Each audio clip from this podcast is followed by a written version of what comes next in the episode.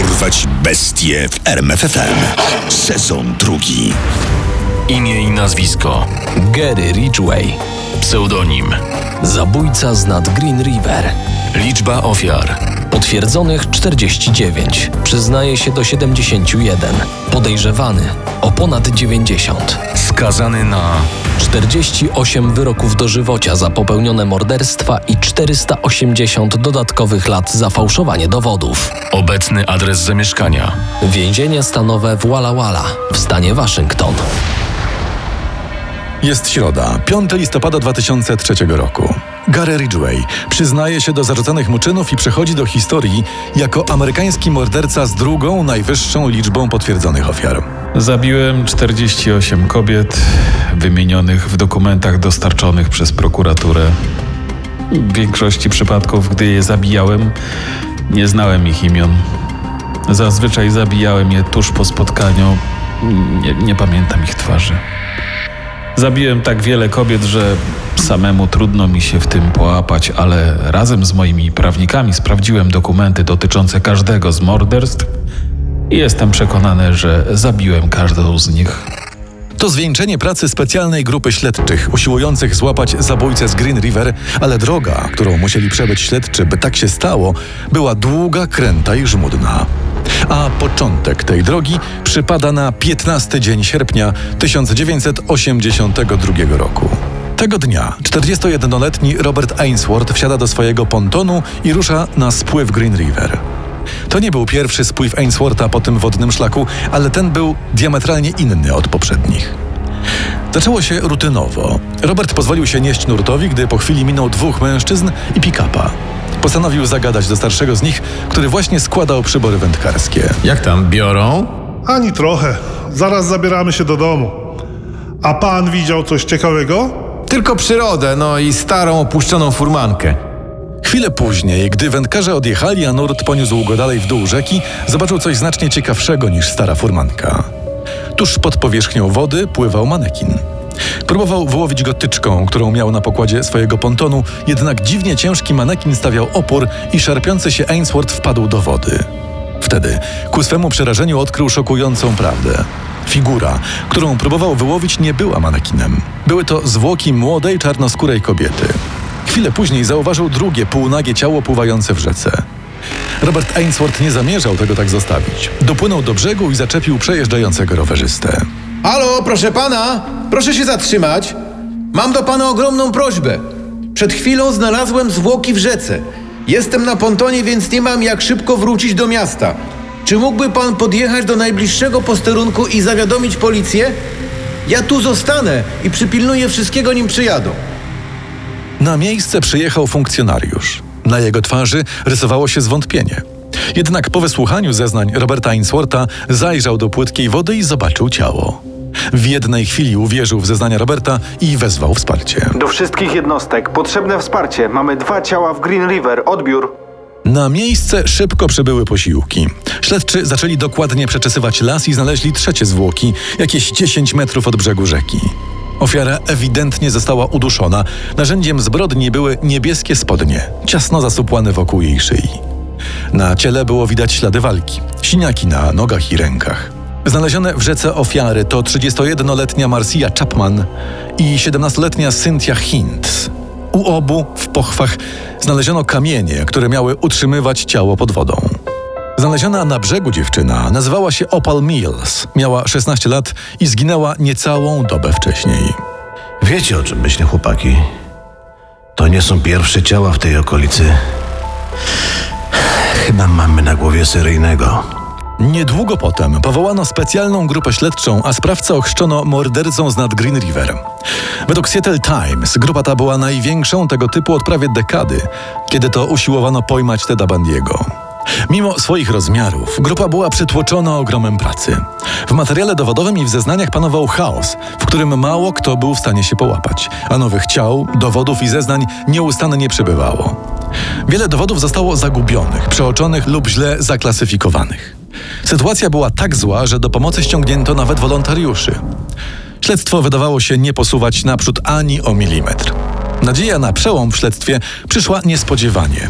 Śledczym udało się ustalić, że znacząca część ofiar znała się i trudniła prostytucją. Postanowili więc wypytać prostytutki o podejrzanych klientów.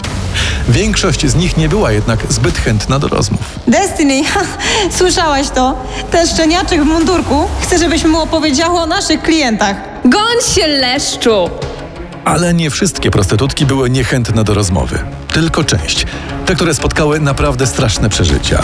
Potencjalnych sprawców było wielu. Mężczyźni, którzy gwałcili dziewczyny, terroryzowali je bronią. Zostawiali przykute w lesie. Podejrzani zjawiali się w areszcie i znikali z niego, bo mieli dobre alibi albo nie kleiły się do nich dowody. Wśród podejrzanych był na przykład lokalny rzeźnik, który z użyciem broni przymuszał prostytutki do seksu. Innym 44-letni taksówkarz, który jako wolontariusz pomagał grupie śledczej. Aresztowano go za wykroczenie drogowe i z braku konkretnych dowodów niedługo potem wypuszczono. Lata mijały, a sterta ciał rosła.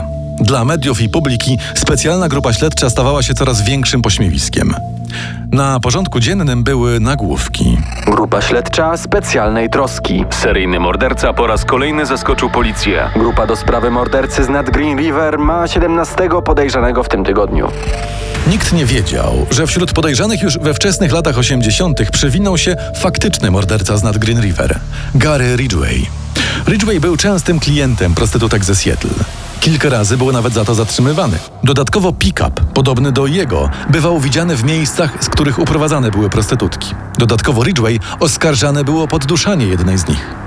Podejrzany dostarczył jednak alibi na co najmniej kilka morderstw. Cóż, panie Ridgway, pana alibi wydaje się zgadzać. Jest pan wolny. Z miesiąca na miesiąc i z roku na rok stawało się jasne, że śledztwo będzie długie i bardzo kosztowne. Tymczasem kobiety znikały, żywe i pojawiały się martwe, a policja z trudem przekopywała się przez tonę dowodów. W kwietniu 1984 roku na policję zgłosiła się Barbara Kubik Pattern, by podzielić się niecodzienną informacją. Miałam wizję. Odkryjecie ciało w pobliżu drogi międzystanowej 90. Śledczy mieli jednak masę roboty i nie byli zbyt skorzy do słuchania wizji jakiegoś medium. Sfrustrowana Barbara wzięła sprawę w swoje ręce i razem z Turką odnalazła ciało, korzystając z objawień ze swojej wizji. Po znalezieniu zwłok udało się w najbliższe miejsce, w którym członkowie grupy specjalnej sprawdzali inne tropy. Pani władzo, zgodnie z moją wizją znalazłam zwłoki kolejnej ofiary. Musicie tam natychmiast pojechać. Zgodnie z wizją, wariatka jakaś. Proszę pani, proszę natychmiast stąd iść. Tu toczy się śledztwo. Nie ma wstępu dla cywili. Jeśli natychmiast nie opuści pani tego obszaru, zatrzymamy panią za utrudnianie śledztwa. Rozgniewana Kubik Pattern ruszyła w stronę stacjonujących nieopodal reporterów i zaczęła opowiadać im o swoim odkryciu. Wtedy policjanci, bojąc się o swój mocno nadszarpnięty wizerunek i chcąc uniknąć większej afery, zdecydowali się jednak ruszyć na miejsce wskazane przez Barbarę Kubik Pattern. Odkryli tam zwłoki Aminy Agiczew. Amina nie do końca pasowała do wcześniejszych ofiar zabójcy z Green River. Miała 36 lat, była matką dwójki dzieci, kelnerką w stabilnym związku, a nie prostytutką.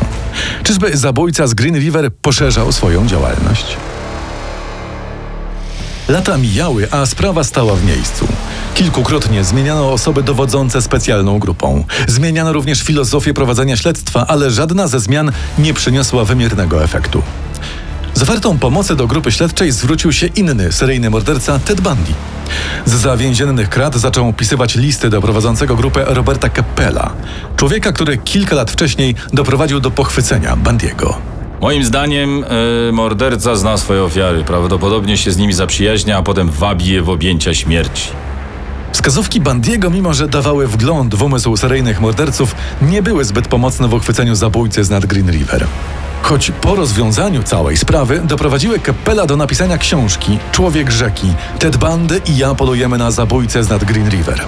Tymczasem wydawało się, że morderca nieco zwolnił. Jeśli można powiedzieć tak o kimś, kto miał na swoim koncie 40 morderstw.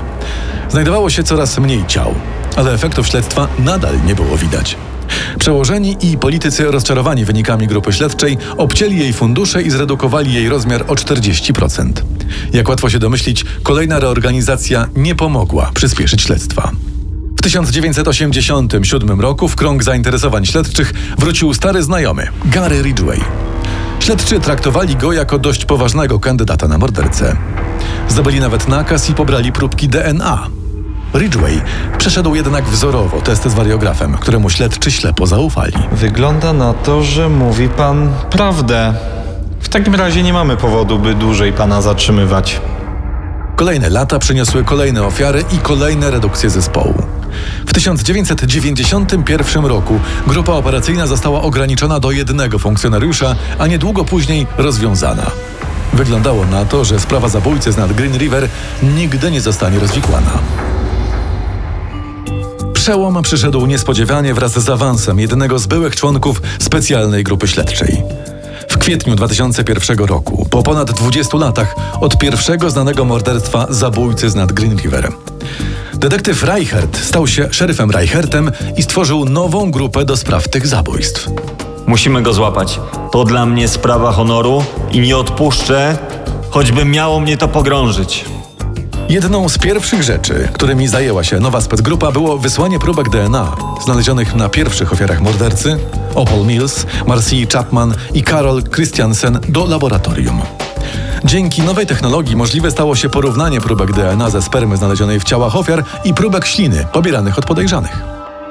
10 września 2001 roku szeryf Reichert otrzymał wieści, od których niemal rozpłakał się z radości.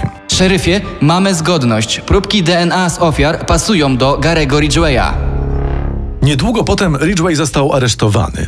O tym fakcie zaczęły się rozpisywać gazety w całym kraju. W końcu pojmano mordercę z nad Green River. Według relacji Terry'ego McCarthy'ego z magazynu Time. Ridgway ma nienaturalny apetyt na seks. Jego trzy byłe żony i kilka byłych dziewczyn potwierdziło mi, że był wręcz nienasycony. Żądał seksu kilka razy dziennie. Często też chciał uprawiać go w miejscach publicznych lub lasach. Czasem nawet w miejscach, gdzie znajdowały się ciała. W sądzie, by uniknąć kary śmierci, Ridgway poszedł na współpracę. Przyznał się do wszystkich zarzucanych mu czynów i wyznał swoje pobudki. Na moje ofiary wybierałem prostytutki, ponieważ nienawidzę większości z nich i nie chciałem im płacić za seks. Wybierałem je też dlatego, że to było łatwe. Wiedziałem, że nikt mnie nie zauważy, że nie zgłosi ich zaginięcia. Wybierałem prostytutki, bo wiedziałem, że mogę ich zabić tyle, ile chcę i nigdy nie zostać złapany. Mimo współpracy, sędzia ani przez chwilę nie rozważał łagodnego obejścia się z mordercą. The remarkable thing about you, sir, is you're remarkable. Niesamowitą pana cechą są pana pokryte teflonem emocje i kompletny brak szczerego współczucia dla młodych kobiet, które pan zamordował. Kobiety, którym odebrał pan życie, nie były jakimiś jednorazówkami albo cukierkami w misce, których jedynym celem było zaspokojenie pańskich morderczych potrzeb. Mimo, że nie mógł im pan spojrzeć w oczy, gdy je mordował, będzie im pan spoglądał w oczy przez resztę życia w swoich snach.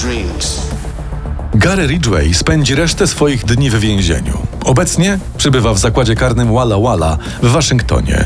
Poznaj sekrety największych zbrodniarzy świata. Dorwać bestie w RMFFM.